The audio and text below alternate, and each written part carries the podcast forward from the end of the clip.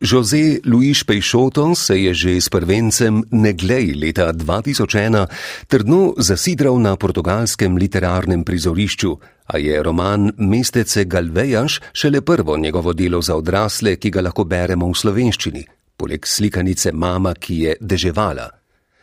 V romanu, kot napoveduje že naslov, v spredje stopa Galvejaš, a čeprav topografija nima zanemrljive vloge, kraj pred nami zraste predvsem skozi zgodbe njegovih prebivalcev. Je pomembno dodati, da je Galvejaš Pejšotovo rojstno mesto? Morda, a delo vendarle presega nekakšno pol-autobiografsko vrnitev v rojstni kraj, prej namreč zadira v patologijo podeželskosti, marginalnosti, otujenosti, osamljenosti in razmeščenosti. Če zaradi tega deluje univerzalno, pa še vedno ne gre spregledati portugalskega konteksta vseh družbeno-kulturnih okoliščin, ki vplivajo na prebivalce Galvejaša. Povedano drugače, avtor pred nami plast za plastjo odstira zgodbe in s tem slika identitetno podobo ruralne portugalske, a jih sočasno razgradi tako, da se pred nami razprostrejo kot primarno človeške. Zgodba se začne nekega ledenega januarskega večera leta 1984, ko na mestece Galvejaš pade skrivnostno nebesno telo ozračje pa prepoji jedek von po žveplu, ki ustraja vse do konca. Že uvodni prizor zbeza na plan vse protagoniste, katerih zgodbe v nadaljevanju spoznavamo v posameznih poglavjih. S takšno ekspozicijo se roman odpira na stežaj, prepletanje različnih perspektiv množice likov pa ustvarja izrazito polifonost. Zgodbe se prepletajo, kot se prepletajo življenja prebivalcev Galvejaša in ni nujno, da se končajo, kjer so se začele. Veliko krat je prepuščeno bravcu, če želi seveda, da okruške sestavi v nekakšno smiselno celoto. Prevladujoče tretje osebno pripovedovanje, ki ga komaj kdaj zrahlja, kakšna replika, deluje precej zgoščeno, a zaradi izvirnega opisovanja nekakšne poetičnosti, ki srka ostro resničnost prebivalcev Galvejaša, ni neprodušno, še manj zatohlo. Še več, princip, po katerem je grajen roman, lahko opazimo tudi na slogovni ravni, saj podoba pogosto raste prav iz drobnega motiva, šele na to pa nastopi nekakšen zoom out, ki upelje določen lik.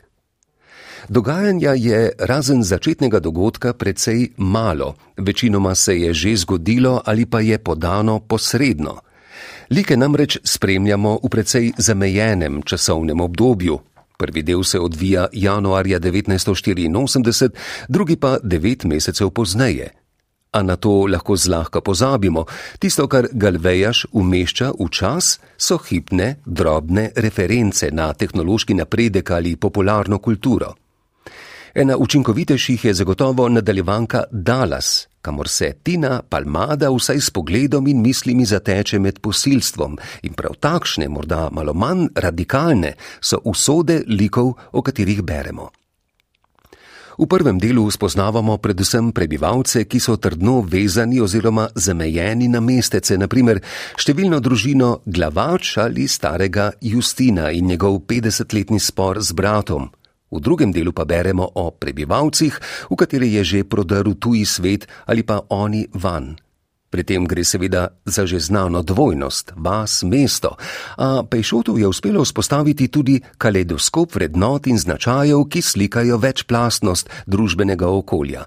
Od navezanosti na zemljo, odvisnosti, ki se je na podeželju morda bolj plastično zavedajo, prek učiteljičenih poskusov opismenjevanja, ki naletijo, milo rečeno, na odpor, pa vse do kolonialne dediščine Portugalske in povezav z Brazilijo. Vsi ti pogledi, verovanja, dediščina zgodovine, pričakovanja, nestrinjanja in želje hkrati brbotajo v Galvejašu, nebesno telo pa deluje kot nekakšen končni katalizator, ki na novo usmisli kontekst in mesto požene iz stagnacije. Proti koncu se pripovedna struktura začne gostiti, roman pospeši in nas skoraj da v bibličnem paralelizmu členov pripelje do zaključka. Citat iz Evangelija po Luku z začetka romana neposredno, meteor in žveplen von pa posredno odpirajo navezavo na biblijsko zgodbo o Sodomi. Rojstvo otroka, ki naposled nima vonja po žveplu, pa na prebivalce Galvejaša deluje nekako katarzično. Odrešeniško? Morda prinaša tudi novo upanje, a kakšno? Von novorojenčka naj bi jih spomnil na njihov lastni von, torej ponovno osmišlja nekakšno identiteto, skozi von pa proseva ideje skupnosti, ki se bo vendarle ohranila. Kljub vsem permutacijam? Ja, sprememba pač ne pomeni smrti.